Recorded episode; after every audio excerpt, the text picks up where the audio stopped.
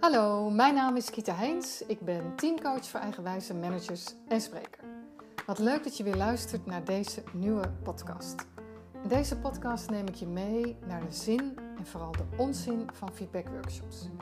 Mocht jij nou ook niet meer geloven in feedbackworkshops, dan draag ik uiteraard een aantal suggesties aan. Veel luisterplezier.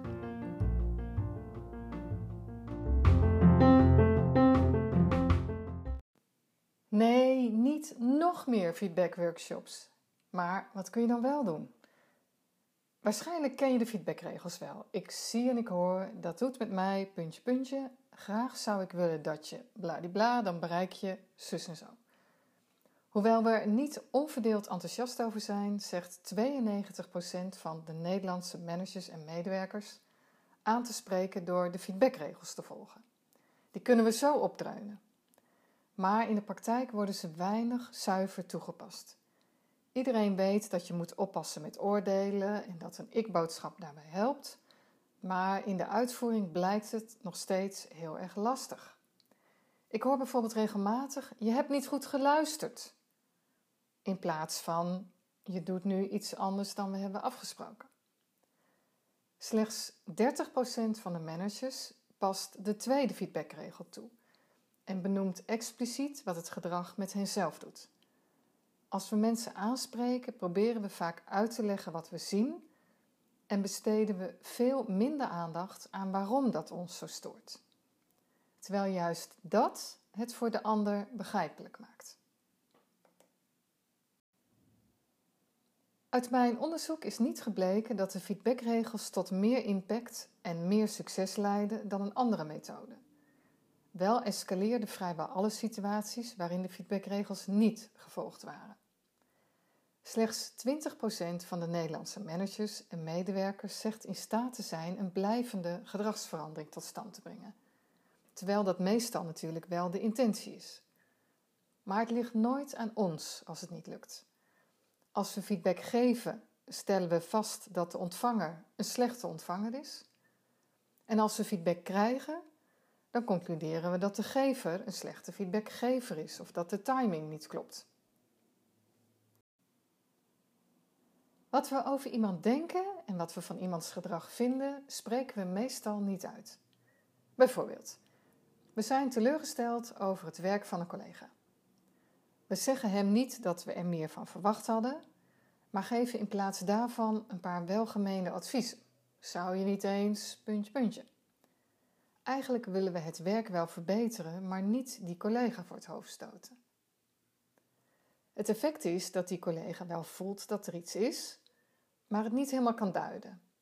Hij gaat op dezelfde manier reageren omdat hij constructief wil zijn. Ja, dat zal ik nog eens bekijken. Hij wil ons namelijk ook niet voor het hoofd stoten na zo'n goed bedoeld advies. En zo houden we elkaar lekker bezig en draaien we samen om de hete brei heen.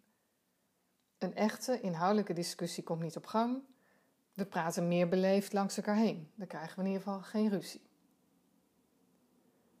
Als we al delen waar we niet blij mee zijn, doen we dat achter gesloten deuren of in de wandelgangen en eigenlijk alleen met de mensen van wie we steun verwachten. Zij bekrachtigen onze beelden, waardoor we alleen nog maar meer het gevoel krijgen dat dit de enige waarheid is. Het wordt nooit besproken in publieke vergaderingen. Resultaat: onbespreekbare zaken, hete brei, olifanten in de kamer. We zijn onszelf niet bewust van onze rol in het creëren hiervan. Bij aannames raken soms hele afdelingen betrokken. Bijvoorbeeld, als het fout gaat, ligt het altijd aan afdeling X. En dat voedt vicieuze cirkels. En als die defensieve routines ingesleten raken, worden ze bijna onderdeel van de impliciete bedrijfscultuur. Zo doen we dat hier. Eigenlijk is het logisch dat een workshop feedback onvoldoende effect heeft. Aan die workshops liggen namelijk een aantal aannames tegen grondslag. En daarvan kunnen we ons eigenlijk gewoon op dit moment wel afvragen hoe legitiem zijn ze nog. We nemen bijvoorbeeld aan dat we het vanzelf gaan doen als we maar weten hoe het moet. En dat de feedbackgever feedback wil geven. Nou, die eerste twee aannames zijn eigenlijk door mijn eigen onderzoek allebei ontkracht. En daar kun je in de andere podcast wat meer over leren. Die derde aanname is gedrag komt tot stand in een autonome entiteit. Dat wil zeggen, als, bij feedback wordt geen rekening gehouden met bijvoorbeeld de invloed van de organisatieomgeving of de invloed van de feedbackgever op de totstandkoming van ander gedrag bij die ontvanger. Een andere aanname die we doen is dat gedrag en prestaties de uitkomst zijn van iemands vrije wil. Dat hij bewust voor dit gedrag heeft gekozen. Maar als wij gedrag vertonen wat, wat onhandig is, weten we dat het soms ook gewoon heel onbewust en per ongeluk gebeurt. En de vijfde aanname die we eigenlijk doen als wij feedbacktrainingen gaan geven of organiseren, is dat die ander in staat is om een gedeeld perspectief op zijn gedrag op een consistente manier te verwerken. En zichzelf dan ook nog aan te zetten tot nieuw gedrag. Kortom, hij kan of zij hè, kan en wil veranderen. Nou, je kunt je afvragen of dat allemaal nog wel klopt.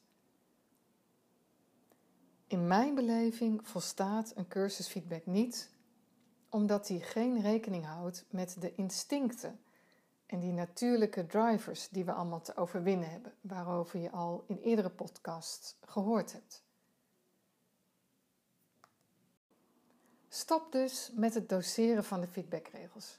Boek niet nog een workshop feedback geven in de hoop dat het nu wel gaat draaien, die aanspreekcultuur.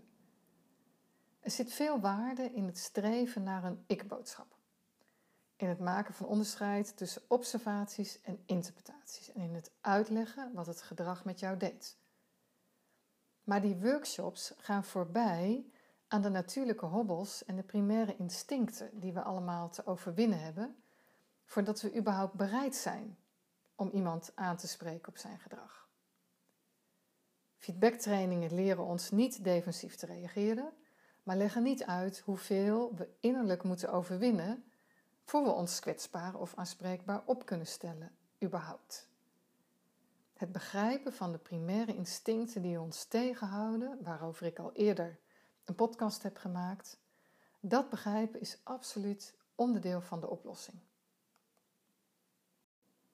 Vervang feedbacktrainingen dus liever door een proces waarin je mensen leert te reflecteren op hun eigen gedrag en dat van elkaar.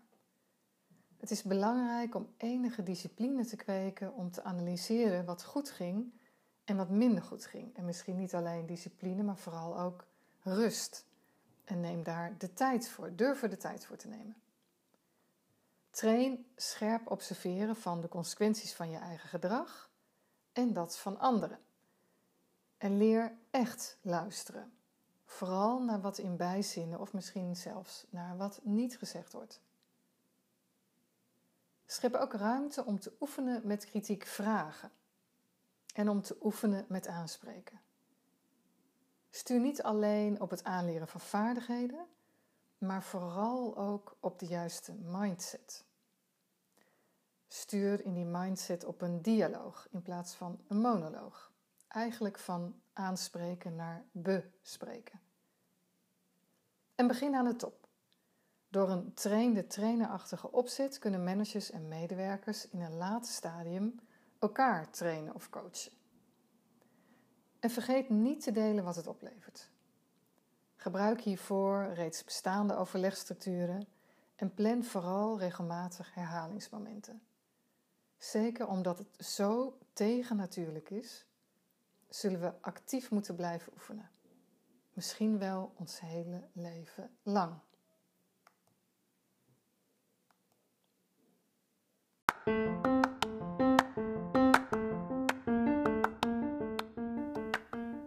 Informatie over het onderzoek naar aanspreekgedrag en het boek kun je vinden op www.succesvolaanspreken.nl. Dus www.succesvolaanspreken.nl. Dank voor het luisteren en graag tot de volgende keer.